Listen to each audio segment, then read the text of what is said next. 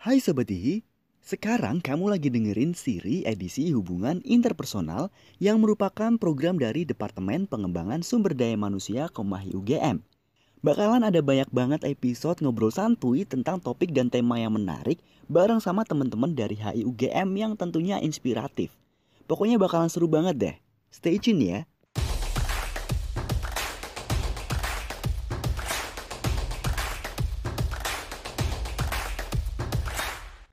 Halo teman-teman Sobat Hihi, apa kabarnya nih? Selamat datang di podcast Hubungan Interpersonal episode ke-6. Wah, udah banyak ya episode-episode yang kita lalui bersama, udah nyampe ke episode ke-6 nih. Kembali lagi sama aku, Rafli WN dari HI 2019. Nah, kebetulan hari ini udah nggak sendiri nih, karena udah ditemenin bareng dua content creator hits. Halo! Halo, halo semuanya. Nah, ada Kak Anggi Martin dari HI 2017 dan Kak Reina Kato dari HI 2018. Mungkin dari Kak Anggi dulu kali ya, boleh perkenalan diri. Nanti dilanjut sama Kak Oke, Reina. boleh. Thank you, WN. Halo teman-teman semua. Aku Anggi Martin dari HI 2017, seperti yang WN tadi sudah sampaikan. Aku adalah content creator di bidang education, biasanya lebih aktif di YouTube dan Instagram. Halo semuanya, aku Reina Kato. Aku mahasiswa HI UGM 2018. Uh, aku juga content creator dan mungkin influencer di Instagram mostly. Nah, keren banget. Jadi tadi kita udah kenalan nih, ada Kak Anggi dan Kak Reina yang dari Hubungan Internasional Universitas Gajah Mada dan kebetulan berkecimpung di dunia content creating dan influencer gitu ya. Nah, uh, mungkin kita uh, sedikit bincang-bincang aja kali ya, karena mungkin tema hari ini kita bakal ngomongin sedikit gimana sih kehidupan dari content creator dan gimana juga sih sebenarnya pekerjaan dari content creator itu sendiri. Nah, aku mau nanya nih buat Kak Anggi atau Kak Reina, kira-kira teman-teman di sini nih mengklasifikasikan diri nggak sih sebagai content creator di sosial media dan gimana sih definisi content creator itu menurut teman-teman gitu mungkin di sini kan banyak yang baru gitu ya pengen tahu dunia content creator yang lebih dalam lagi itu gimana gitu mungkin dari Kak Anggi dulu dari sisi edukasi nih gimana? Oke, okay, thank you for your question WN. Kalau aku aku emang mengklasifikasikan diri aku sebagai education content creator karena selama ini juga memang aku memproduksi konten-konten itu mostly on YouTube hingga akhirnya bisa juga nge-raise um, some influencing apa ya influencing audience gitu influence audience gitu yang ada di uh, Instagram. Tapi mostly yes I do create contents on YouTube videos. Wah aku sebagai mahasiswa HI juga sering nonton nih kak video YouTube-nya kak Anggi. Lumayan tuh dulu kalau mau masuk hubungan internasional kan kayak aduh pengen tahu nih tentang HI gitu kan biasanya tuh yang paling muncul pertama pasti Anggi Martin. Pasarnya banget ya HIUGM. Iya. Kalau Karina sendiri gimana nih? Kira-kira gimana sih? Apakah uh, Karina tuh mengklasifikasikan diri juga sebagai content creator di bidang lifestyle ya? Kalau aku lihat-lihat dari Instagram mungkin atau gimana tuh? Um, gimana ya? Jujur um, awalnya aku tuh cuma suka-suka ngepost aja karena mungkin apa ya terinspirasi oleh banyak uh, instagramer yang aku suka mostly actually di fashion gitu.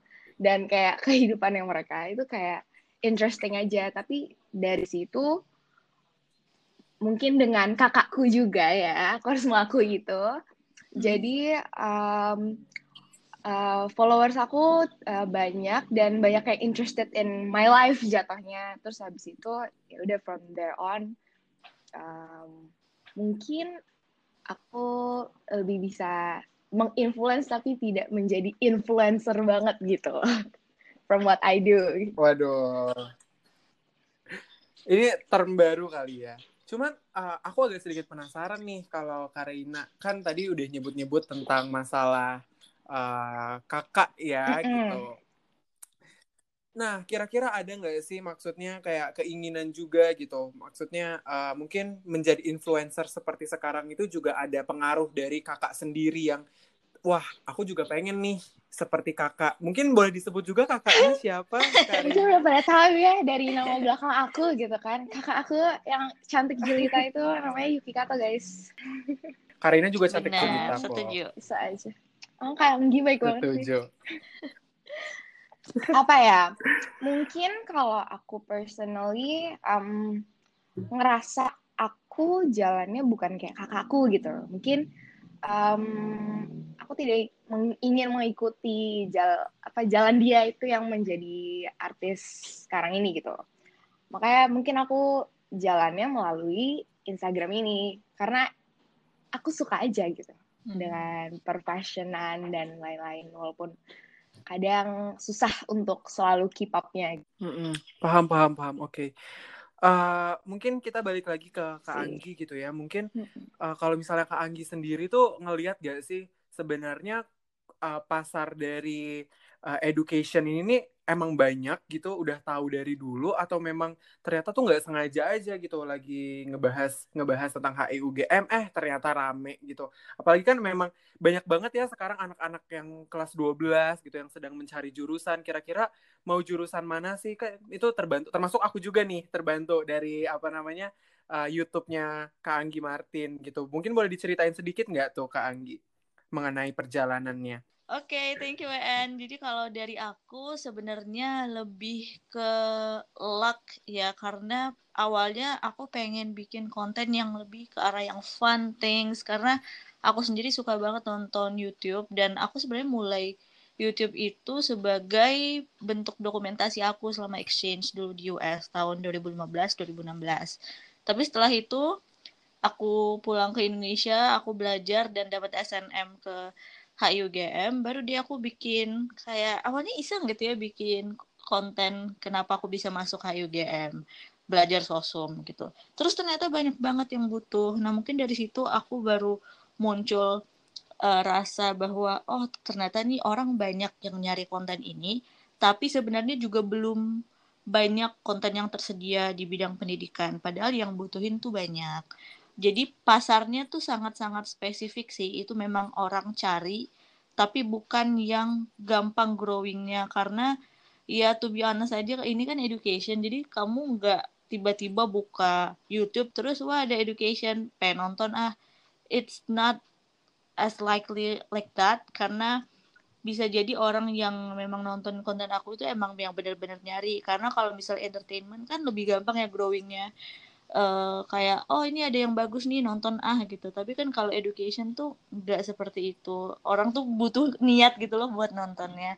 So sebenarnya mulainya dari situ sih. Dari aku menyadari bahwa perlunya lebih banyak konten pendidikan di Indonesia. Tapi I think now it's growing it's increasing. Makin banyak juga teman-teman aku yang join di bidang yang sama. Oke, aku setuju banget sih masalah uh, kurangnya ketersediaan Mm-mm. pada waktu itu ya, kurangnya ketersediaan uh, platform atau konten-konten mengenai edukasi itu sendiri. Mungkin uh, sudah tersedia, tapi jarang banget ya kak kita lihat ada yang membedah dalamnya gitu tentang kehidupan keseharian dan lain-lainnya. Dan itu menjadi poin penting sih menurut aku pribadi Hmm, iya gitu iya, ya. I needed that Untuk as bisa well dieksplor. Kayak aku ngerasa kok orang nggak ada ya yang Uh-uh. bikin kehidupan mereka di HUGM kan aku pengen tahu gitu. Ya udah Hmm. jadi karena aku sudah a part of that, aku bikin deh. Aku nonton juga loh Kak Anggi. Seriusan deh. Sebelum sebelum masuk kayak aduh labil gitu kan terus pas nonton tuh kayak yakin gitu. Ya ampun, iya banyak juga Eh. tahu dari teman-teman kayak waktu aku jadi kakak badi juga di HI terus adik-adik badi aku tuh wah kakak aku nonton video kakak jadi kayak agak ah sumpah lucu banget gitu. Iya, parah. Semuanya pasti kalau misalnya mahasiswa-mahasiswa baru gitu, baru PPSMB, baru orientasi, langsung kayak HIUGM, wah kenal Manggi Martin gak nih gitu. Pasti pertanyaannya langsung kayak gitu. Nah, mungkin kita uh, pindah sedikit ke Kak Reina gitu ya, karena tadi udah bahas tentang edukasi. Mungkin uh, menjadi content creator di bidang lifestyle atau fashion gitu merupakan salah satu yang mungkin sudah banyak gitu ya di apa namanya di Instagram saat ini. Dan bagaimana sih posisi ini nih bisa menjadi kira-kira uh, tepat gitu buat Kak Reina? Karena uh, apa namanya banyak sekali gitu kan teman-teman juga yang mungkin mau mulai tapi karena mereka takut gitu. Jadi boleh diceritain nggak tuh Karina kira-kira sampai di posisi ini tuh kayak gimana sih? jujur kalau misalnya mau gak usah takut kayak mulai mulai aja. Aku juga sampai sekarang tuh masih kayak gitu masih kayak apa ya? Mungkin kalau misalnya takut untuk build up niatnya emang emang agak susah. Aku personally juga um, kayak gitu karena untuk menjadi seorang influencer yang kita sering lihat di Instagram itu tuh jatuhnya tuh itu benar full full time job full time job as in mm -hmm. kayak kehidupan kalian tuh benar-benar dilihat ya walaupun tidak menunjukkan segalanya cuman every aspect of your life itu pasti akan terlihat gitu loh tapi kalau misalnya untuk kalian yang lebih cenderung ke arah fashion and you think that you have like a good fashion sense itu sebenarnya ya tinggal kalian ungkapkan aja melalui gambar. Tapi ya style maksudnya bentukannya dan formatnya seperti apa itu tergantung kalian. Kalau aku personally kenapa aku bilang aku bisa, belum bisa menjadi influencer? Karena yang tadi aku bilang aku tuh apa ya bukan menganggap ini tuh sebagai full time job aku tuh menganggap ini tuh sebagai hobi jadi kayak hmm. um, if I like uh, what I see or if I like what I'm wearing, aku baru ngepost gitu. Jadi bukan yang benar-benar kan uh, kalau untuk menjadikan ini full time job itu kayak benar-benar everyday kayak eh harus pakai baju apa ya, yang gimana ya, harus ada konten gitu. Yes, nah aku tuh yeah. belum belum belum belum sampai ke situ gitu, karena aku sendiri masih struggling di kuliah juga ya. Jadi kadang tuh untuk seniat itu uh, misalkan apalagi sekarang di rumah ya um, pakai baju yang apa yang fashion sense-nya bagus itu tuh agak butuh niat lebih gitu loh.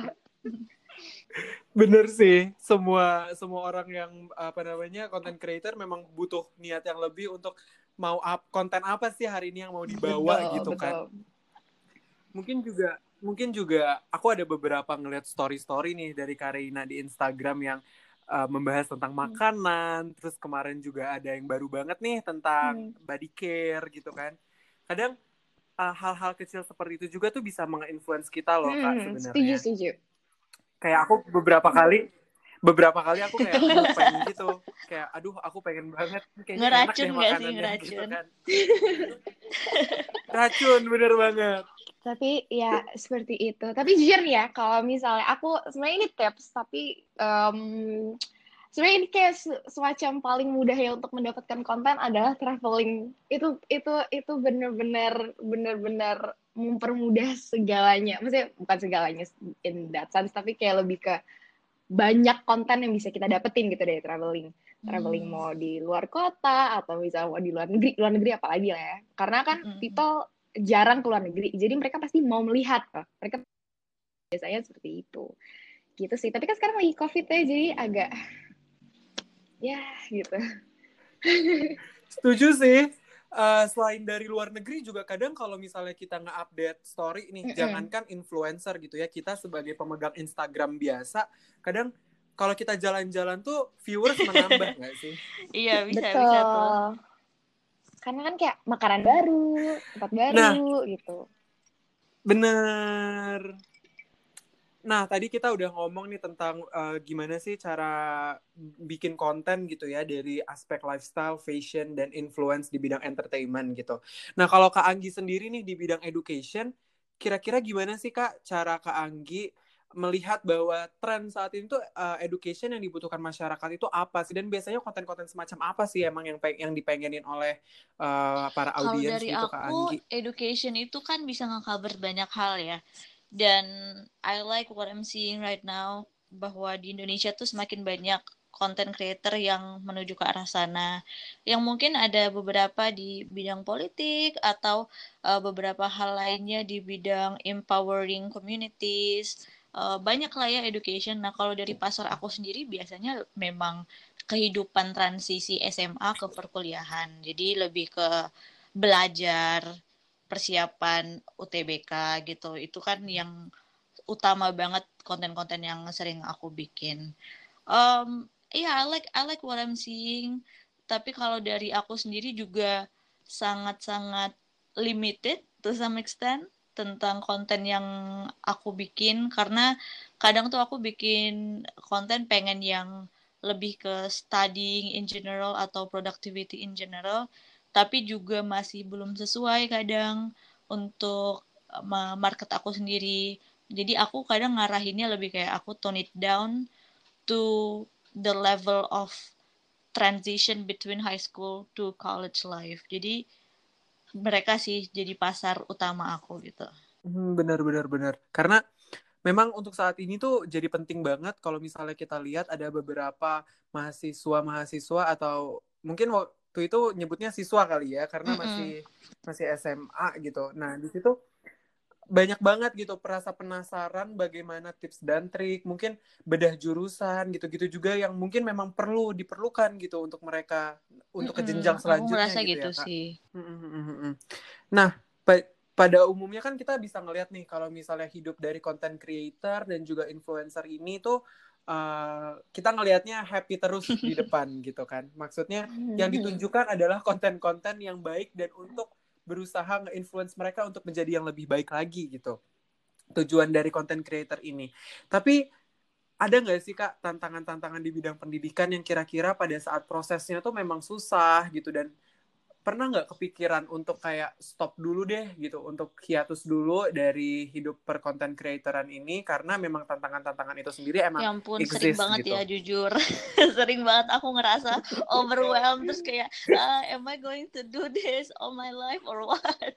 Karena aku sering banget ngerasa overwhelmed. Makanya sebenarnya kalau aku kaji kehidupan aku. Aku kan sering yang nge-review selama ini aku ngapain aja sih? Journaling to me is very very important to reflect what I've been doing gitu. Jadi aku sering ngeliat bahwa memang YouTube adalah content creating ya in YouTube mostly. Karena itu takes so much time. Itu biasanya yang aku relakan. Karena aku kan juga ambis banget nih di kampus.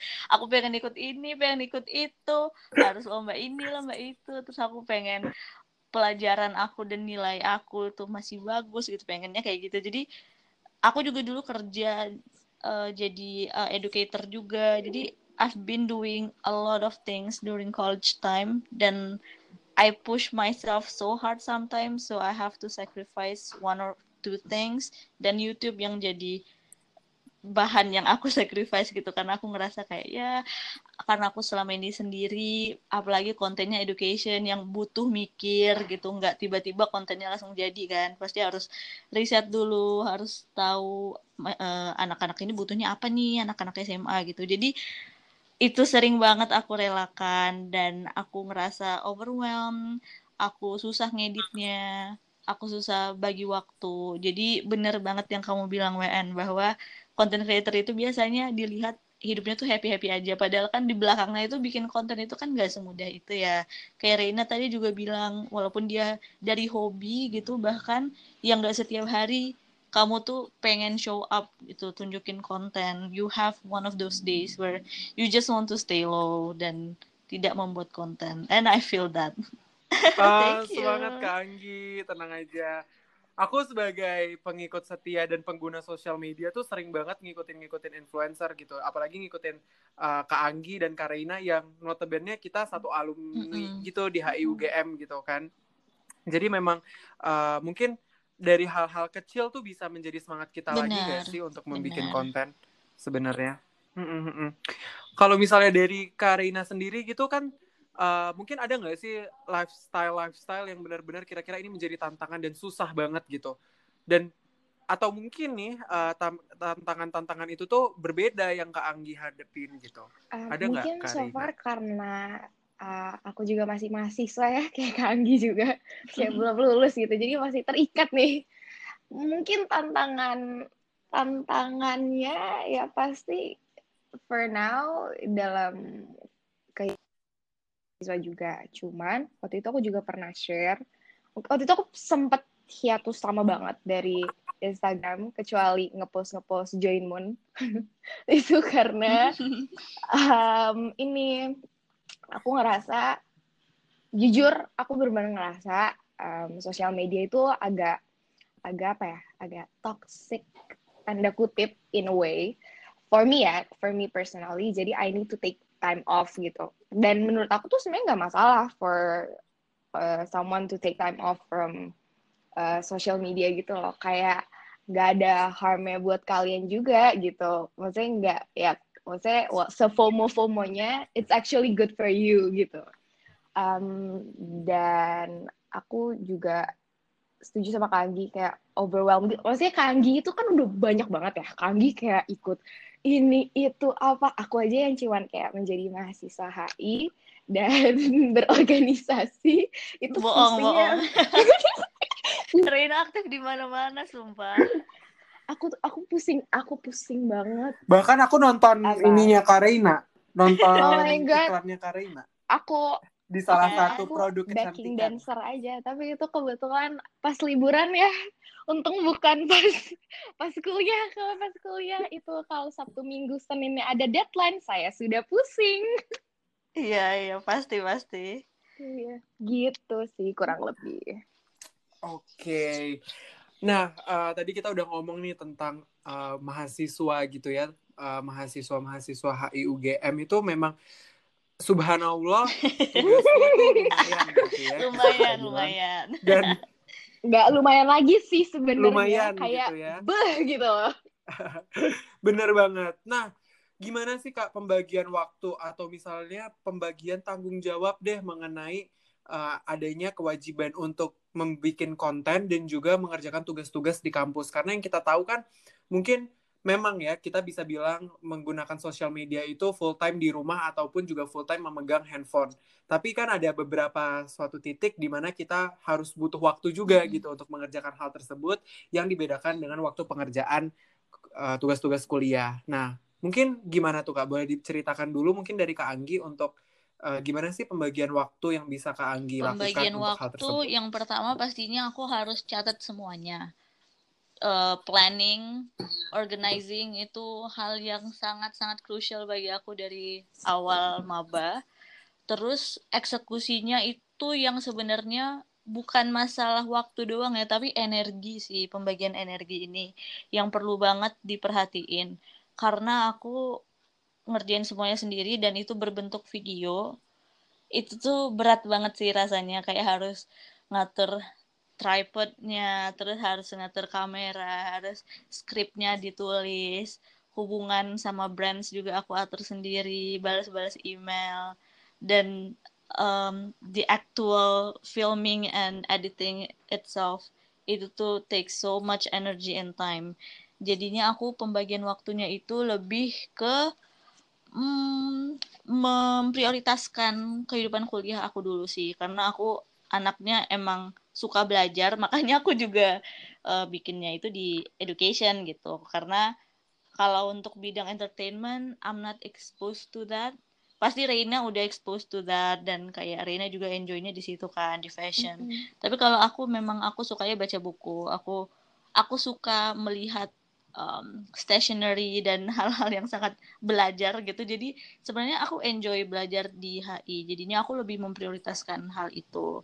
Um, to the positive note itu mungkin kalau aku lagi belajar di HI lagi nugas gitu kan tugas kita banyak banget ya. Itu sudah rahasia umum tugas anak HI itu review essay paper itu numpuk. Nah, itu biasanya aku juga sempatkan untuk bikin konten juga dari situ karena kan pendidikan juga ya. Beberapa konten HI yang fokusnya ke HI itu aku kasih tahu ke subscriber aku atau ke followers aku. Cuma ya kalau aku lihat lagi aku refleksikan kembali memang selama ini yang aku relakan itu biasanya dari segi YouTube. Jadi kalau emang lagi hektik banget nih di Komahi atau lagi hektik banget nih uh, tugas-tugas di HI ya biasanya aku emang prioritasin tugas dulu tentu saja karena kan kita mahasiswa ya dan baru deh aku nanti kalau udah ada waktu lagi aku bikin lagi kontennya di YouTube. Waduh, bener sih, bener-bener banget. Kalau misalnya dari Karina sendiri tuh gimana?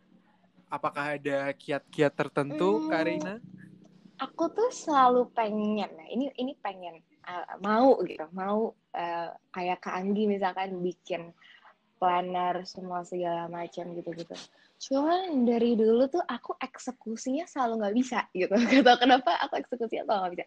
Jadi kalau aku uh, personally karena aku emang nggak bisa yang terlalu on track gitu. Karena aku anaknya terlalu apa ya go with the flow dan um, dadakan-dadakan gitu anaknya. Jadi aku hmm. lebih planningnya untuk target minggu ini mungkin bukan target minggu ini tapi lebih ke deadline di minggu ini apa aja dan hari apa targetnya apa aja mesti lebih ke kayak gitu tapi nggak nggak nggak nggak terlalu spesifik. Jadi kalau misalnya eh, nggak uh, bisa dan nggak sanggup udah di jangan dilemparin ke hari yang lain ya. Lebih lebih lebih kayak gitu.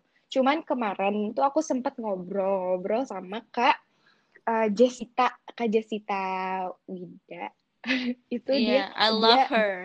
Ah, itu aku pas ngob pas ngobrol sama dia aku cuman kayak bengong. Aku aku shock banget. Karena dia benar-benar kehidupannya tuh on track on track tuh bener-bener kayak um, ya dibikin jadwal yang bener-bener hari ini ngapain jam berapa ngapain minggu ini ngapain target bulan ini apa target tahun ini apa apa yang mau achieve gitu gitu gitu. Nah semenjak denger kayak gitu aku langsung kayak termotivasi bener-bener yang kayak apakah aku harus bikin seperti itu gitu. Tapi mungkin mencobalah untuk lebih on track kayaknya karena dengan dengan lebih on track sebenarnya tuh kita bisa apa ya lebih lebih mudah mengatur waktunya. Cuman kadang kan aku nggak bisa jadi ini lagi sedang berusaha aja. Hmm. waduh. Tuh berarti buat teman-teman mungkin buat sobat-sobat hihi nih yang pengen menjadi influencer atau content creator boleh banget dimulai dari keep on track and bener, making some goals gak sih guys? Nah tadi kita udah ngobrol-ngobrol, aku jadi sedikit kepikiran deh. Mungkin aku sedikit cerita kali ya. Aku juga pengen banget tuh sebenarnya menjadi content creator. Tapi seperti yang tadi Kak Anggi sama Kak Reina udah bilang, kadang tuh kita kalau misalnya bikin ide dan juga kalau misalnya kita udah bikin tujuan tuh nanti pas eksekusinya tuh susah banget, susah banget dan jujur aku dulu udah pernah bikin satu video tapi kayak video asal-asalan mm -hmm. karena kan aku suka traveling dan uh, menurut aku tuh mengabadikan dokumentasi seperti Kak Anggi yang mengabadikan dokumentasi waktu pertukaran pelajar dulu, aku juga mengabadikan dokumentasi waktu aku traveling gitu. Cuman kadang tuh udah udah ada niat, tapi pas eksekusi tuh nggak sesuai gitu loh Kak. Dan itu uh, agak sedikit susah nggak sih untuk untuk untuk keep up di situ. Jadi kadang ada beberapa juga teman-teman dari sobat hihi atau misalnya dari teman-teman yang pengen mau memulai menjadi content creator tuh udah demot duluan gitu. Kira-kira ada saran Kak untuk uh, teman-teman kita yang sedang demot atau mungkin bingung ingin memulai dari seperti Reina apa mungkin? gitu? Uh, boleh. Kalau misalnya menurut aku kalau kamu punya video terus kamu ngerasa kamu pengen um, ngepost gitu, kamu pengen menjalankan, sebenarnya sih menurut aku dari situ kalau kamu beneran udah post, pasti ada rasa untuk kamu tuh pengen bikin lagi gitu. Um, mm -hmm. Tapi balik lagi, kamu um, sebenarnya menurut aku nih, jangan terlalu pikirin omongan orang lain. Itu tuh penting banget untuk kamu tuh penting banget, pikirin omongan, banget. ya, omongan orang lain karena um, ini kan konten yang kamu bikin, konten yang kamu bikin, konten yang kamu suka, konten yang emang bener-bener kamu tuh pengen gitu. Post ke kayak berniat gitu. Kayak tadi Wen bilang kayak aku tuh suka traveling makanya aku tuh bikin video ini. Sebenarnya post post aja gitu. Sebenarnya post post aja. Kalau misalnya nanti tiba-tiba ada yang ngomong apa ngomong apa itu kalian tutup telinga aja. Itu syarat pertama ya. Dari situ insya Allah mungkin bisa berlanjut. Karena harus dari niatnya dulu. Mungkin dari aku kayak gitu. Kalau dari Kak Anggi gimana? Sumpah yang Reina omongin itu penting banget sih. Dan itu belum bisa aku implementasiin seluruhnya gitu loh. Karena uh, selama ini aku juga memang berawalnya dari kesukaan aku akan belajar dan dunia pendidikan itu sendiri kan. Tapi along the way waktu aku upload gitu ya, post itu tuh kadang aku mikir kayak apa ya yang teman-teman aku pikirin? Kenapa ya aku nggak jadi anak HI yang normal-normal aja gitu yang ya udah ngepost story tuh main sama teman nongkrong atau belajar kayak nugas gitu. Kadang aku pengen kayak gitu loh. Cuma you know financial problem as well. Have to push me to like work and create more content. Terus juga emang emang aku suka kan bikin bikin konten but um sometimes I feel like am I doing too much uh, what do other people think about me yang kayak kayak gitu justru malah semakin ngehinder kita untuk berproses lebih lanjut gitu loh tentang hmm. uh, untuk uh, konten kita karena benar, benar. Uh, benar once we execute sebenarnya kita bakal kayak oh that's that's fine that looks hmm. fine I think I'm gonna do it again hmm. harusnya kayak gitu kan uh, kalau dari aku agar bisa langsung eksekusi itu ya pertama planningnya harus jalan. Tapi juga jangan kelamaan di planning. Karena kadang aku juga kayak gitu tuh. Aku punya satu jurnal khusus untuk ide video dan itu banyak banget idenya. Cuma karena selama ini eksekusinya sendiri ngerasanya kayak aduh capek ya energinya lagi low nih ya udah nanti nanti aja deh kayak gitu. Tapi kalau misalnya emang kita udah tahu pengen bikin kontennya gimana terus udah tahu um, pasarnya di mana apalagi ya kalau misalnya tadi kayak WN pengennya traveling nih mungkin aja ada chance gitu loh untuk kamu untuk thriving di hal-hal yang dibilang traveling gitu bisa jadi. Cuma kalau memang udah ada idenya memang harus di, segera dieksekusi. But trust me, I also relate to your story karena aku juga banyak banget dokumentasi-dokumentasi yang belum aku post atau yang kayak ya udah nanti-nanti aja deh gitu karena kayaknya ngerasa overwhelmed gitu dan hmm. jujur aku iri banget sama orang yang emang suka ngedit-ngedit video gitu aku iri hmm. banget sumpah karena teman-teman aku tuh yang content creator mereka emang suka gitu sama kerjaan ngedit video hmm. sama kayak hal-hal yang technical filming gitu aku nggak suka sama itu. Aku suka belajar tapi aku tuh nggak suka banget yang namanya otak-atik kamera dan editing. I think I'm starting to enjoy it nowadays tapi kayak hmm. not as much. Dan jujur kalau misalnya emang orang tuh dari awal emang suka gitu dengan proses content creating harusnya mereka memang lebih bisa sih maju di bidang itu. Karena dari segi technical skill dan kesukaan mereka di situ juga align gitu kan. And I wish I was that person aku setuju sih kak. Wah sobat ini apa namanya kita udah lumayan lumayan ya membongkar uh, banyak sisi-sisi gitu dari influencer dan content creator itu sendiri. Itu bagaimana kehidupannya? Mungkin uh, bisa tuh sobat hihi coba didengar dan juga coba diimplementasikan. Ada tips dan trik tuh barusan dari kak Anggi dan kak Reina yang benar-benar bisa membantu kita. Apalagi mencoba untuk mengabaikan omongan orang lain. Itu penting juga sih menurut aku karena sampai saat ini juga aku masih belum bisa untuk uh, membiarkan omongan orang lain itu salah satu yang paling susah lah bisa kita bilang. Uh, mungkin uh, sampai di sini aja gitu uh, pembicaraan kita, bincang-bincang kita pada hari ini.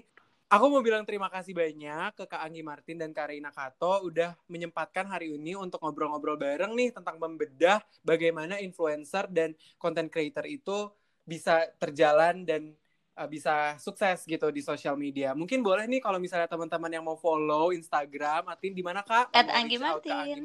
Rina Kato. Kalau Tapi aku di Instagram di... doang ya guys. Boleh banget tuh teman-teman follow dan juga jangan lupa follow Instagram aku. Enggak ada yang bercanda.